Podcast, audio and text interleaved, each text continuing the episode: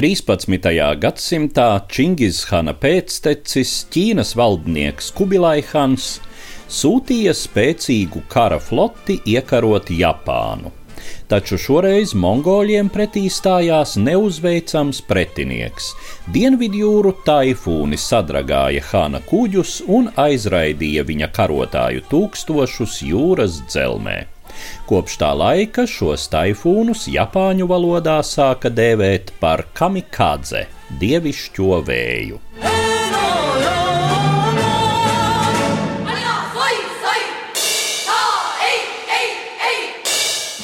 Šo vārdu Japāņu propagandisti atcerējās Otrā pasaules kara beigu posmā, kad kļuva nepārprotami skaidrs, ka Japāna zaudē Britiem un Amerikāņiem cīņu klusajā okeānā tai skaitā gaisa kaujās.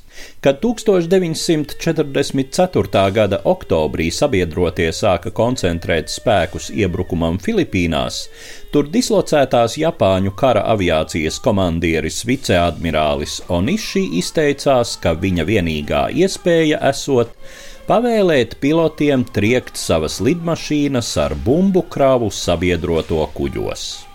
Reizēm kara lidotāji šādi bija rīkojušies, taču nekad līdz tam neviena armija nebija devusi saviem pilotiem šādu pašnāvniecisku pavēli.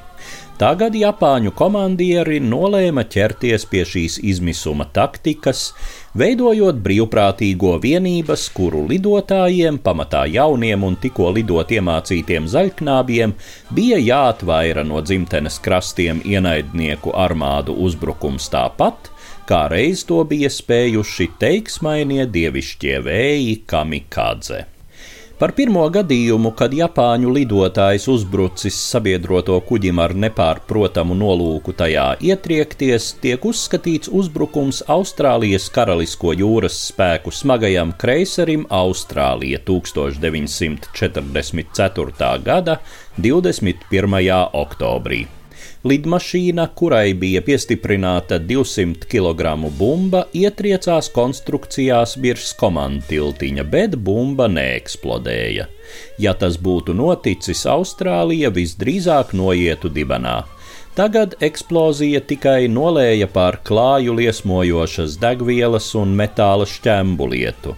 Gāja bojā kuģa kapteinis un vēl 29 jūrnieki, tika smagi ievainots arī uz klāja esošais Austrālijas eskadras komandieris, komandors Džons Kolins.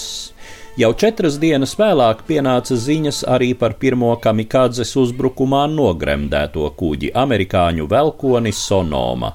Vēl dienu vēlāk kamikādze nogremdēja amerikāņu mazgabarīta aviācijas bāzes kuģi St. Louis. Pirmo sekmju iedvesmoti Japāņu militāristi sāka gatavot lidotājus nāviniekus vairumā. Drīz jau simti jaunu Japāņu saņēmuši komandieru slavinājumus, apbalvojumus un samuraja zobenu, un iedzēruši mēriņus sakē, sēdās lidmašīnās, kurām bija piestiprināts maksimālais bumbu komplekts un degvielas tvertnes piepildītas līdz augšai, un devās savā pēdējā lidojumā. Galvenais motīvs, kas lika šiem jaunajiem cilvēkiem iet nāvē, bija viņu patriotisms, kas dziļi sakņojās reliģijas tradīcijās. Ticīgam Japāņu šintoistam mirt par imperatoru un kļūt par eirei, dzimtenes sargātāju garu, bija savas ticības augstākais apliecinājums un pierādījums. Sabiedrotie varēja likt pretī šai fanātiskajai apņēmībai tikai savu pilotu un pretgaisa aizsardzības komandu meistarību, lidmašīnu kvalitāti un pārdomātu cīņas taktiku. Par to, cik lieli ir Japāņu lidotāju nāvinieku nodarītie zaudējumi sabiedroto flotēm, ir atšķirīgas ziņas. Visticamāk, nogremdēto kuģu skaits ir robežās starp 50 un 60, bet bojā gājušo jūrnieku skaits pārsniedz 5000. Par to Japāņi samaksāja ar gandrīz 4000 savu jaunekļu dzīvību.